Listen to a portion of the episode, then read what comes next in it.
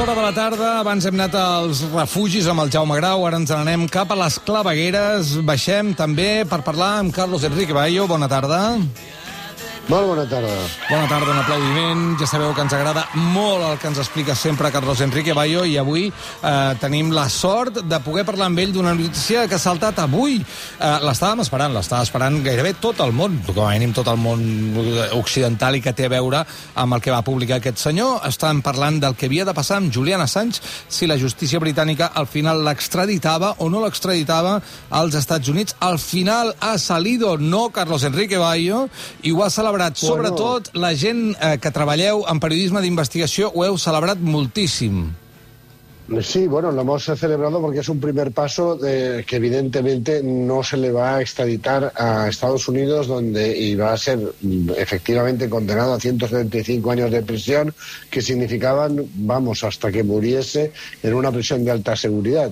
Pero por otro lado, la, la jueza uh, Vanessa Brewster ha, ha eh, digamos, dado la razón a toda la argumentación de los abogados y los fiscales de Estados Unidos, yes. porque eh, ha estado comprando todos los argumentos de que eh, Assange no practicaba el periodismo, a pesar de haber ido allí premios Pulitzer, premios Emmy, todos los que, los que hacen investigación de, de periodística en el mundo han ido allí a testificar lo contrario, da igual, ha comprado toda la, tesis de, argumentación a, los abogados de Estados Unidos y simplemente ha bloqueado la extradición porque dice que no le han convencido de que eh, no fuera a correr riesgo su vida si es encarcelado en Estados Unidos, en una prisión de alta seguridad, donde estaría 22 horas diarias en aislamiento en solitario, y mm, porque los médicos han dicho que en un caso así probablemente acabaría suicidándose. Entonces, eh, es solamente por una circunstancia de salud mental, de, de que también ha habido eh, eh, médicos que han calificado su, su, estado actual de autismo eh, incipiente, de varios síndromes que posee también por el maltrato, por las torturas, como el relator especial para la tortura de la, de la, de la ONU, Nils Melzer, ha, ha, ha, certificado que ha estado sufriendo durante los últimos nueve años.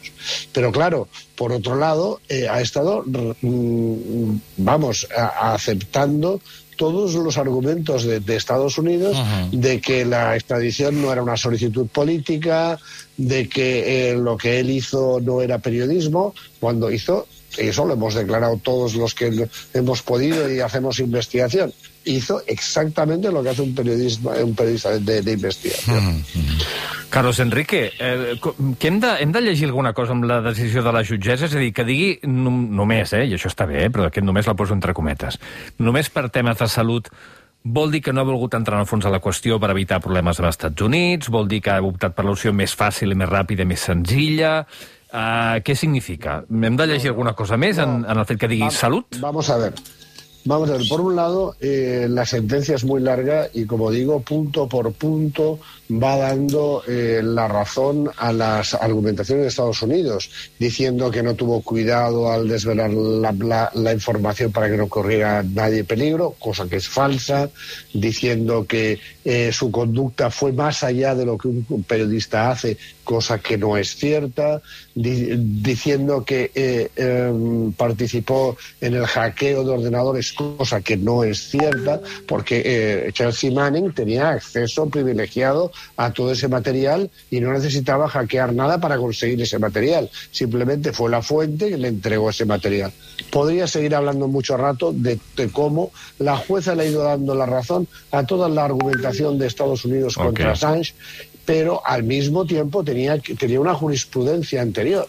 Es que nos hemos olvidado de que ha habido otros casos iguales, eh, sobre todo el más famoso, el de Lori Love, que eh, fue un hacker de Anonymous, que eh, él sí entró en los ordenadores de los ejércitos de Estados Unidos, de la Missile Defense, Agency, de la NASA, de, de diversos eh, organismos, digamos, militares norteamericanos, eh, desde su ordenador. Un, un, británico de origen finlandés que eh, eh, también padecía autismo y a causa de sus circunstancias físicas y mentales, uh -huh eh, se rechazó su extradición a Estados Unidos. Con lo cual había ya una, una un, precedente. Un, un, un, precedente, que, una jurisprudencia que obligaba y que además era, digamos, la, la justificación que podía poner la jueza para eh, no aceptar de momento no. la extradición. No. Porque todo esto es apelable. Y además inmediatamente han anunciado los abogados y la Fiscalía de, de Gran Bretaña. No olvidemos que la Fiscalía de Gran Bretaña participa de la solicitud de extradición a favor de Estados Unidos. Pues eh, esos fiscales británicos también han, ha- han anunciado que van a recurrir, tienen dos semanas, Qué bonito van ser a recurrir fiscal. eso, ¿eh? con lo cual irá a otra a otra eh, eh, a otro tribunal superior y mientras tanto estamos por ver si Assange va a seguir estando en la prisión de, de alta seguridad de, de Belmarsh donde están a cero grados de temperatura por la noche donde está sometido a unas condiciones infames que eh, numerosos organismos internacionales incluida la ONU han dicho que equivalen a tortura. Entonces, en un principio, la jueza había dicho que le iba a dar fianza, o sea, libertad condicional bajo fianza y otras, otras medidas cautelares, pero se han opuesto tanto Estados Unidos com els fiscals britànics i en això estamos. Escolta'm, hi ha una cosa que segueixo sense entendre, potser segur que ho has explicat més d'una vegada i potser no, ho he llegit i no me'n recordo o el que sigui, però per què poden jutjar a Julian Assange o volen jutjar a Julian Assange i portar-lo als Estats Units si ell no és ciutadà dels Estats Units? Bueno, es que claro... Eh, Quin és en l'argument este per extradir una persona i jutjar-lo allà? Es que eso, eso está en contra también, en este caso, eh, ha estado la, la jueza justificando los diversos tratados de extradición entre, entre Estados Unidos y el Reino Unido. Eh, existe un tratado de, de, extradición que dispone que, un, que una, entre Estados Unidos y el Reino Unido, que dispone que una extradición así no es posible.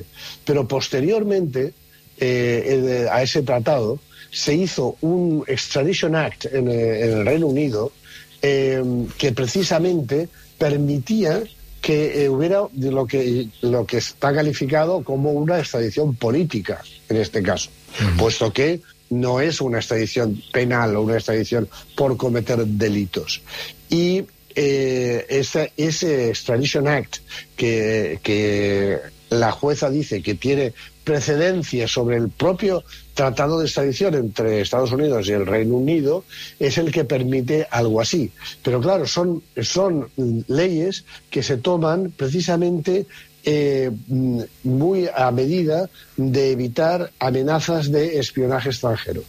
Con lo cual, evidentemente, de lo que le acusan a, a es de haber cometido espionaje en favor de una potencia enemiga.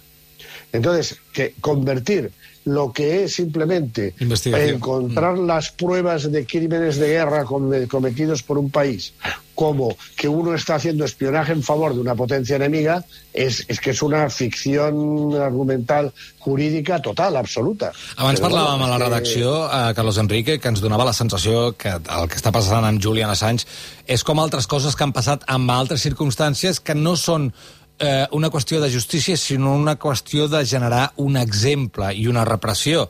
És a dir, com els Jordis, eh, com el Jordi Cuixart i el Jordi Sánchez, eh, com el moviment antiglobalització quan es van posar tan durs i van reprimir a tope perquè no hi hagués després més gent que sortís al carrer. Tu tens la sensació que amb el cas de Julian Assange s'està fent, s'estan saltant totes les normes possibles simplement per donar exemple i que no es torni a repetir que el periodisme vagi per aquí? Por supuesto, por supuesto, pero Estados Unidos pretende condenar a Assange a cadena perpetua como escarmiento a todos los periodistas de investigación del, del, mundo. Y como dijo Nils Melzer, este, el que estoy citando, el autor especial de la ONU sobre la tortura, si Julian Assange es condenado será una sentencia de muerte para la libertad de prensa. Es que Nils Melzer ha, llegado a- a decir, se está creando un sistema criminal ante nuestros ojos, porque mientras se está permitiendo que se cometan crímenes de guerra impunes sin que se persiga ni se condene, por supuesto, a los autores, eh, al, al mismo tiempo que se condonan esas, esas, eh, esos comportamientos por parte de, los, del espionaje de, las, eh, de los ejércitos y de las fuerzas de, de seguridad, nadie investiga eso y al mismo tiempo una persona que revela estas cosas está amenazada con una pena de 175 años de cárcel. Entonces, es que eh, lo que dijo este hombre durante toda una década ha sido abrumado con acusaciones que no se pueden probar, que lo están destruyendo y que son montajes policiales. Pero no se puede hacer a nadie responsable de todo eso, ni se exigen responsabilidades. Y, es que él dice que el contrato social se está erosionando y si no exigimos que alguien rinda cuentas, también nosotros perderemos nuestros derechos antes o después, porque el poder corrompe si no se le vigila. Y eso es lo que pretende, que, no se vigile eh, a los que ejercen el poder de manera arbitraria y además es que están Vamos, es que el caso más evidente fue el del collateral murder, el, el mostrar el vídeo de, cómo se comete un crimen de guerra que es ametrallar desde un helicóptero a sabiendas a heridos, a los que están intentando rescatarlos, todos civiles, y a niños. Y matas a doce. Y todo eso riéndose y hablando y diciendo entre ellos que sabían que estaban disparando contra niños, contra heridos que arrastraban por el suelo y contra los que intentaban civiles rescatarlos y subirlos a un, a un vehículo para llevarlos al hospital. Todo esto, además, era, había dos periodistas de Reuters ahí, que fueron asesinados así, a tiros desde un helicóptero militar de Estados Unidos. Cuando Reuters primero había pedido esas imágenes y esas pruebas, el ejército de Estados Unidos le contestó que todo se había hecho según las normas del, de Rules of Engagement, las normas de la, de la guerra y las leyes eh, de, un conflicto bélico. Y que era absolutamente falso. Cuando finalmente se difunde este vídeo y se demuestra todo lo contrario, ¿Se persiguió a los que habían cometido esos asesinatos que era clarísimo que eran culpables? No, se persiguió al que lo había revelado y se le ha perseguido durante 10 años hasta destruirlo.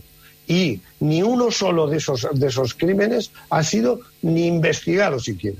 Y estos nos quieren dar lecciones de justicia y nos quieren hacer, bueno, ahí, ahí las 10 páginas de la sentencia de esta jueza, eh, desestimando todos los argumentos de la defensa, que son, vamos, hay 170 juristas internacionales que, se, que incluyen legisladores, que incluyen premios Nobel e incluyen eh, expresidentes de, países, eh, eh, argumentando en, una carta abierta al, gobierno británico cómo es ilegal todo este procedimiento y la jueza se lo pasa por, hmm. por decir, no, no, todo eso que dicen es extraneous, como dicen ellos. Es eh, digamos que, que, está fuera de lugar. Mm. Pero bueno, lo que está fuera de, de lugar es lo que están haciendo. Bueno, sabrem si hi ha llibertat condicional aquest dimecres, si no va xerrat, és així, eh, Carlos Enrique? Bueno, es que claro, eh, cuando finalmente, como se han opuesto también a que fuera, a que mientras se hacen los recursos esté en, libertad provisional bajo, bajo fianza, ya que no se ha concedido la extradición en primera instancia, entonces, eh, se han opuesto también a esa, a esa libertad provisional y, y, la defensa ha pedido un plazo para hacer la argumentación a favor de que por lo menos no esté sometido a un régimen de auténtica tortura en Belmarsh. Uh -huh. En Belmarsh, al que le llaman el Guantánamo del Reino Unido. Que ens vas explicar que estava a temperatures eh, de 0 graus a dins de la pròpia cel·la. Sí, sí, por la noche a cero grados dentro de la propia celda. Y es que además tenemos pruebas, los que seguimos esto de cerca, de que se le envía ropa de abrigo y otras, y mantas y cosas por parte de la familia y nunca se le han entregado, nunca se le han llevado a la celda. Bueno, si hablamos de las condiciones del, del bloque H de la, de, la, de, la, prisión de Colorado de alta seguridad, donde pretende eh, meterlo hasta el final de sus días Estados Unidos, eso es tortura continuada y permanente de los detenidos ahí dentro. Y todo eso es que además está prohibido que está prohibido que los familiares y los abogados de los presos ahí dentro digan en qué condiciones están esos presos bajo delito. Encarcelan al abogado que diga que están torturando a, su defendido. Y eso es Estados Unidos, es el régimen. En ese sentido, sí que eh, la jueza, por lo menos, ha dicho que no le convencía en absoluto el sistema de, eh, que, de encarcelamiento que tiene Estados Unidos. Por lo menos eso hemos ganado pero claro, queda mucho por recorrer. Impressionant, com sempre, Carlos Enrique Bayo avui explicant el cas de Julian Assange, actualitat pura i dura i analitzada pel millor dels millors. Carlos Enrique, una abraçada forta. Moltes gràcies. Fins ara, adeu.